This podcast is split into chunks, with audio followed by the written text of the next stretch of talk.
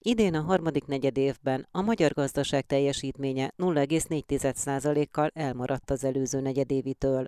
Utoljára a koronavírus járvány idején 2020 közepén zsugorodott a gazdaság, mondta az Inforádiónak a portfólió vezető makrogazdasági elemzője.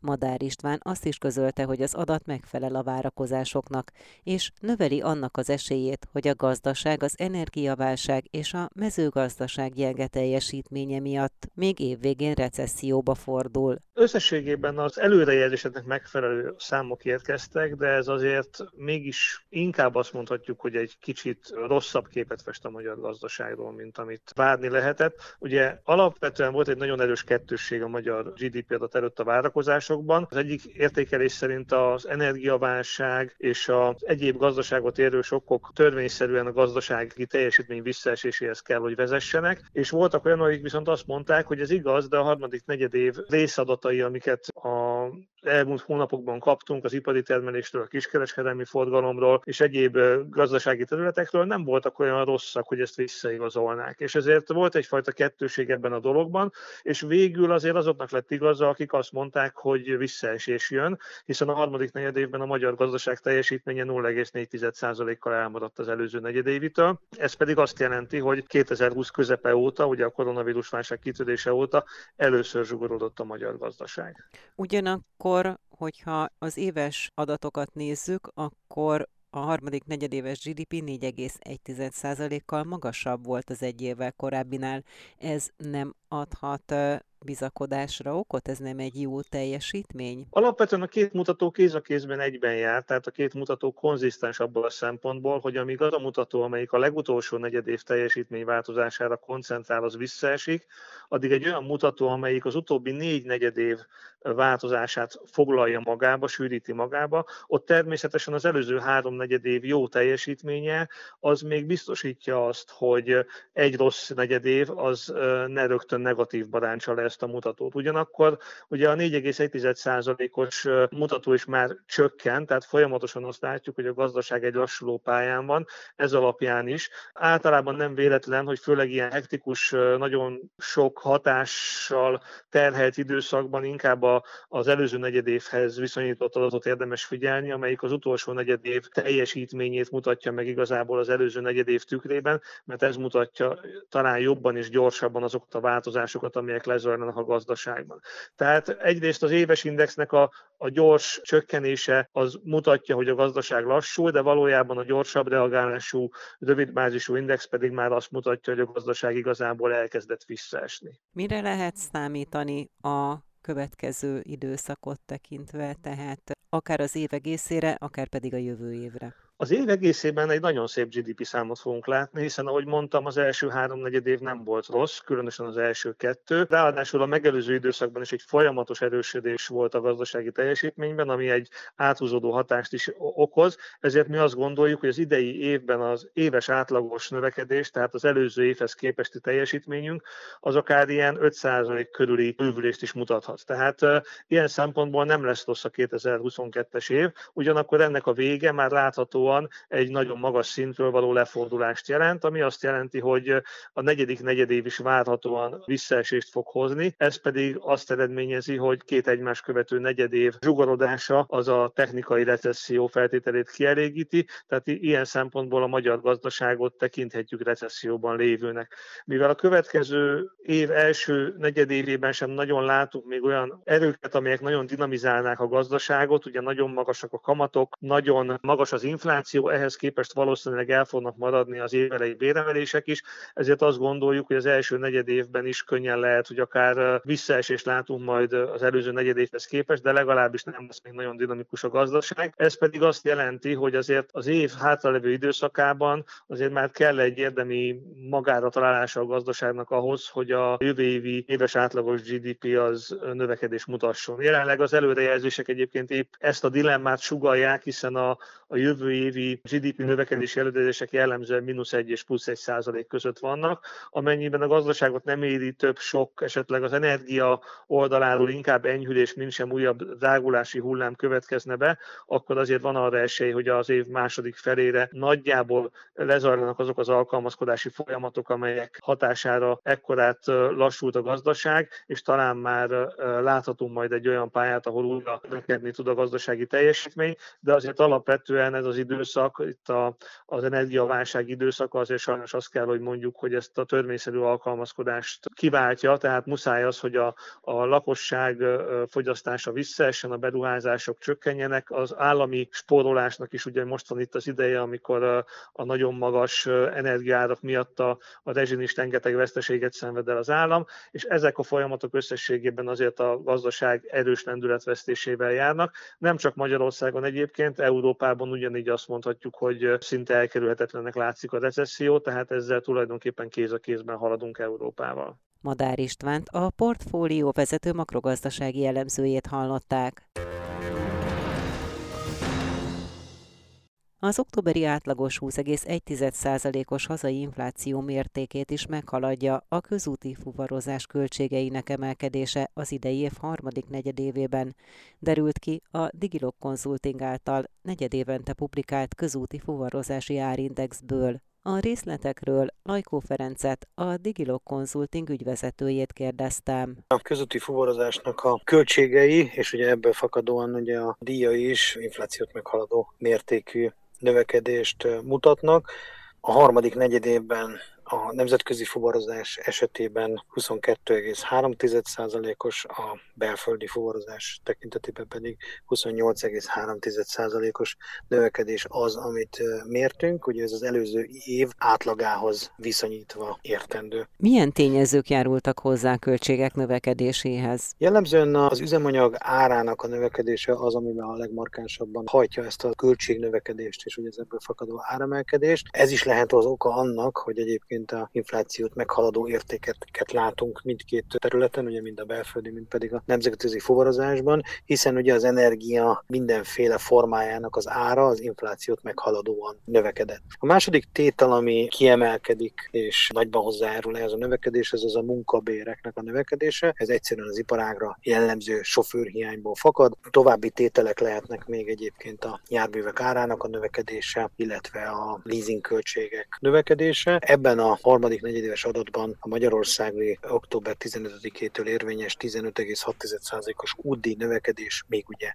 nincs benne. Mire lehet számítani az év hátra lévő részében? Mi úgy látjuk, hogy körülbelül 30%-osra becsüljük azt a költségnövekedést és azt a szükségszerű áremelkedést, amit ugye a közötti fuvarozásban hát végre kell hajtani, mint egy 30%-kal lesznek drágábbak a költségek, és vélhetően a fuvardíjak is, mint 2021 évnek az átlagában. Lajkó Ferencet, a Digilog Consulting ügyvezetőjét hallották. Az éttermi és a kulturális költések csökkentésével, valamint az energiaköltségek visszafogásával igyekeznek kivédeni a magyarok az emelkedő kiadásokat. Ez derül ki a Grupama megbízásából készült országos reprezentatív kutatásból. A megkérdezettek 18%-a 18 fokon vagy még ennél is alacsonyabban tartja a lakásában a hőmérsékletet. Ezt is elmondta a felmérés kapcsán a Grupama lakossági személybiztosítási termékmenedzsment vezetője.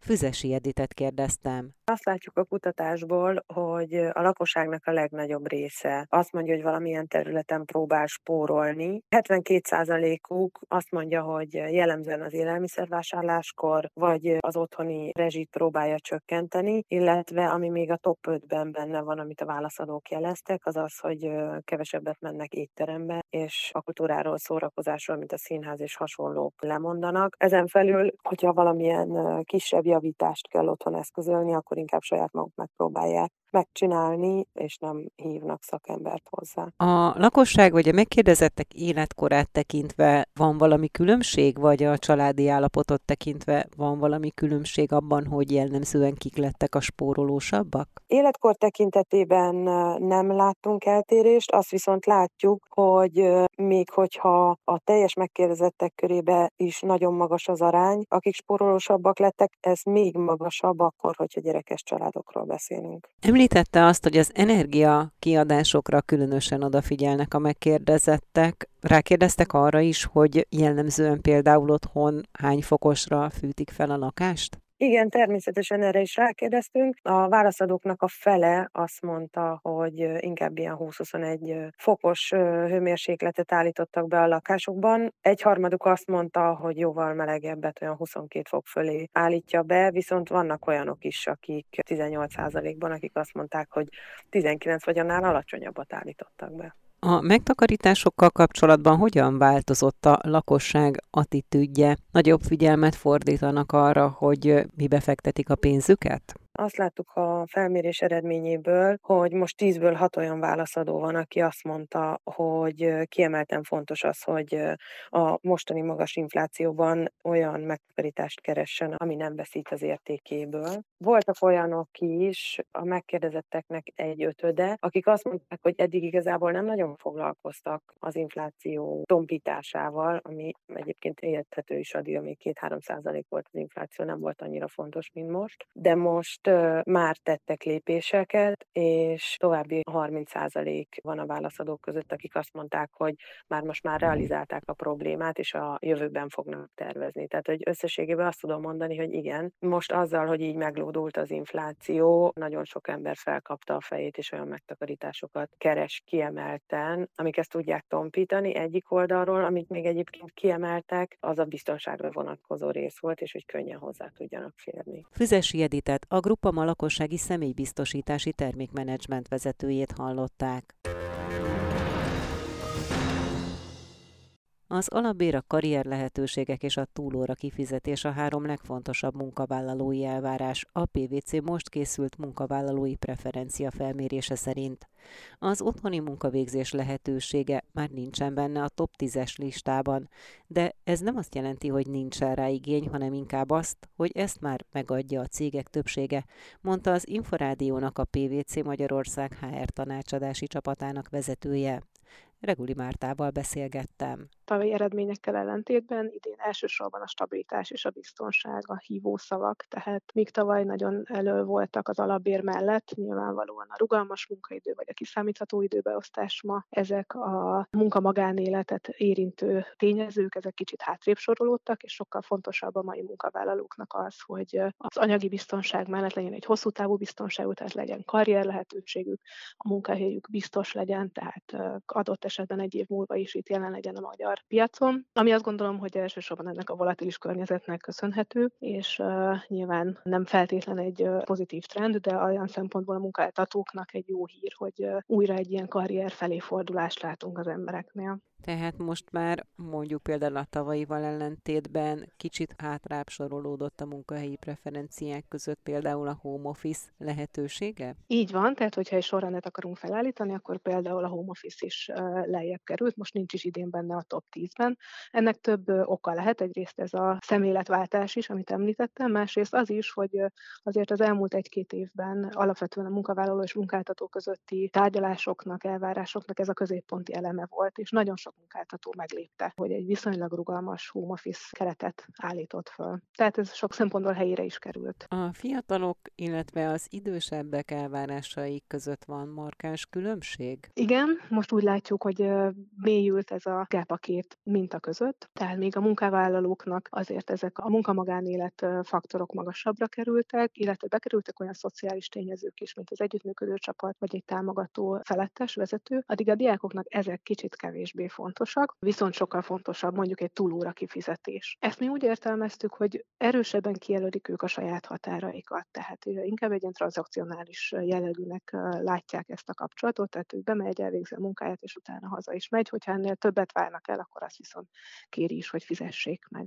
Ami viszont jó hír az az, hogy ők sokkal lejjebb rangsorolták a munkavállalókhoz képest a home office-t, tehát nagyobb az igényük arra, hogy bemenjenek az irodába. Ezt abból is látjuk, hogy a munkakörnyezet viszont viszonylag magas helyen végzett, tehát hogy kényelmes környezetben tudjanak dolgozni. Ez lehet egy olyan pont, ahol a munkáltató mégiscsak meg tudja őket fogni, egy kicsit érzelmileg elkötelezni, a csapatba beintegrálni, segíteni őket, hogy ne csak egy ilyen adok-kapok tranzakcionális jellegűnek tekintsék a munkavállalást. Reguli Mártát, a PVC Magyarország HR tanácsadási csapatának vezetőjét hallották.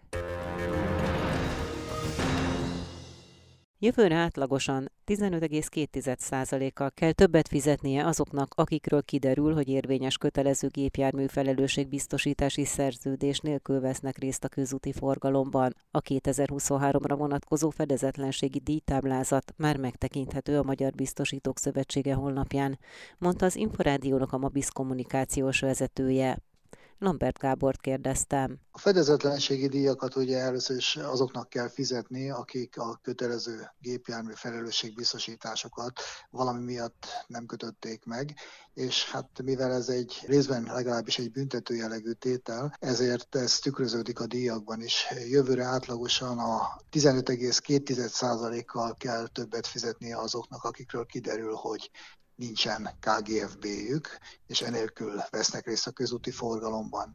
Ez azt jelenti, hogy személyi gépkocsik esetében gépjármű kategóriától függően 650.400 forintot kell naponta fizetni a KGFB-vel nem rendelkezőknek, autóbuszok esetében 986.670 forintot tesz ki ez a díj, tehergépkocsik esetében pedig akár 5380 forintot is elérheti naponta. A Mabisznak vannak-e arra vonatkozóan adatai, hogy körülbelül a közúti forgalomban hány olyan gépjármű vesz részt, vehet részt, amelyik nem rendelkezik kötelező gépjármű felelősségbiztosítási szerződéssel? A szövetség nem rendelkezik ilyen adatokkal, de a belügyminisztérium adatai szerint a segédmotoros kerékpárok nélkül figyelembe vett magyarországi gépjárművek közül mintegy 80 ezer gépjármű nem rendelkezik érvényes KGFB szerződéssel. Ők egyébként nem csak a fedezetlenségi díj megfizetését kockáztatják, ám ha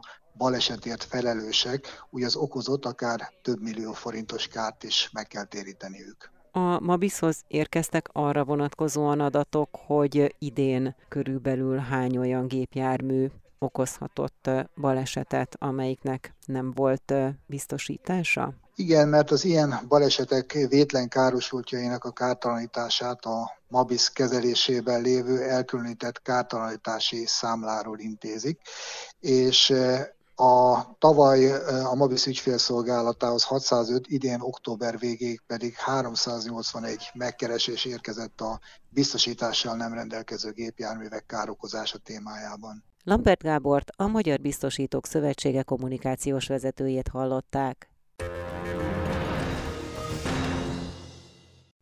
Újabb 8 milliárd forinttal támogatja a kisboltok fennmaradását a kormány a Magyar Falu program keretében. A pályázati feltételek néhány héten belül megjelennek.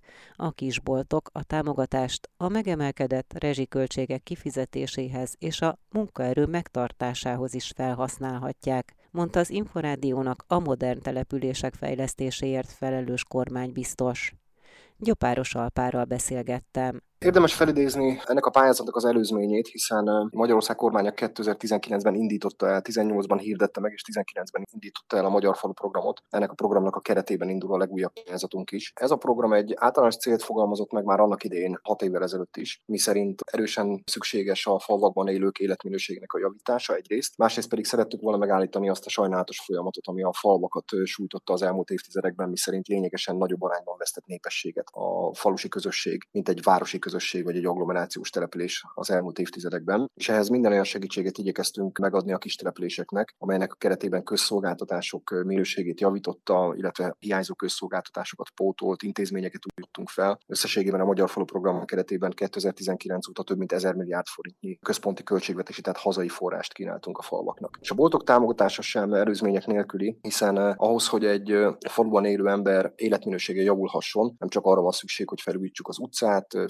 felújítsuk a járdákat, felújítsuk az óvodát, vagy éppenséggel építsünk egy bölcsödét, és így tovább, hanem természetesen azok az alapvető piaci szolgáltatások is szükségesek, amelyek meghatározzák a mindennapjainkat. Mit kell tudni a program részleteiről? Tehát mekkora település mérethez van kötve a program? A tavalyi pályázati kiírásunk esetében is 2000 fő volt az a létszámkorlát, amelyben meghatároztuk az érintett települési kört, hiszen 2000 alatti településeken jellemző egyáltalán a szolgáltatások hiánya, vagy a szolgáltatások minőségének a romlása. Minél kisebb település méretet vizsgálunk, annál nehezebben tudja fenntartani magát egy kisbolt. Tavaly évben üzletek infrastruktúrális fejlesztéséhez kínáltunk támogatást, tehát jellemzően épületfelújításhoz, épületkorszerűsítéshez vagy bővítéshez. Ehhez kínáltunk több 10 millió forint támogatást, összesen 1450 nyertes pályázót hirdettünk egyébként ki. A mostani pályázati kiírásunkban viszont kifejezetten csak a működését támogatjuk ezen üzleteknek. Arra számítunk, hogy a tavalyi 1450-hez képest nagyságrendekkel nagyobb lesz a támogatási igény. A támogatás mértéke ehhez igazodik, itt 1-2 millió forint összegű támogatást nyújtunk mindazon veszteségek kompenzációjára, amelyet például az energiaárak emelkedése okozott. Tehát akkor ezt bérköltségre, energiaszámla kifizetésére, rezsire lehet majd fordítani. Így van, és nagyon fontos, hogy a pályázat formája előfinanszírozott, 100%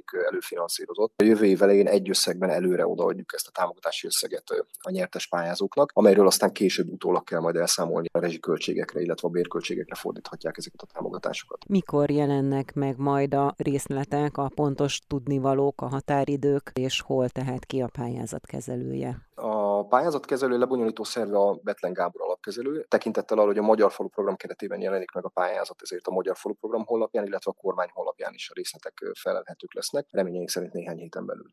Gyopáros Alpár kormánybiztost hallották.